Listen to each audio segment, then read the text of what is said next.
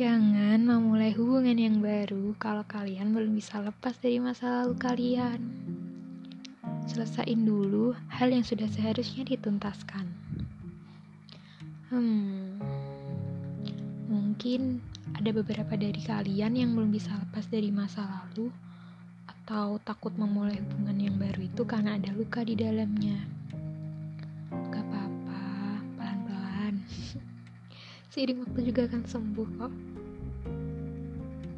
Selalu ada hal baik di setiap hal buruk yang terjadi. Itu semua tergantung bagaimana kita melihat, menghadapi, dan mengatasinya. Beberapa hal buruk memang seharusnya terjadi supaya bisa memberi banyak pelajaran. Ya udah, cukup ikhlasin dan maafin.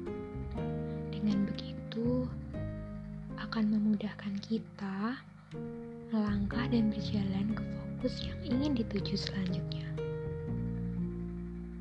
Jadi bukan rasa dendam dan benci yang selalu kita rawat. Maafin ya, kuatin hatimu atas air mata yang pernah jatuh. Percaya Tuhan akan mengganti sedihmu dengan bahagia yang sebahagia-bahagianya. Sekarang, coba bilang sama hatimu,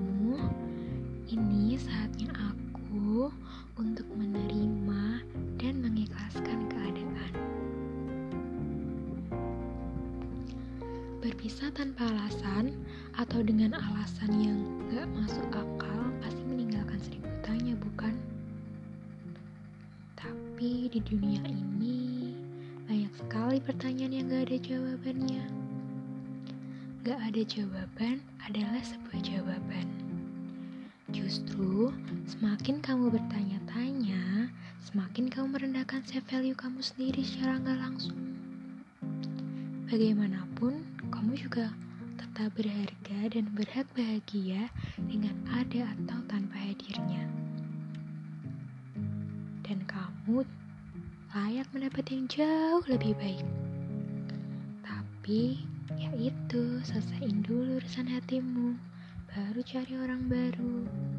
Masa lalu ada bukan untuk dilupain gitu aja. Justru dari masa lalu itulah kita bisa belajar banyak hal. Karena sampai kapan pun, masa lalu adalah bagian dari dirimu dan perjalanan hidup. Jadi, berdamailah dulu ya. Kamu pasti bisa. Semangat!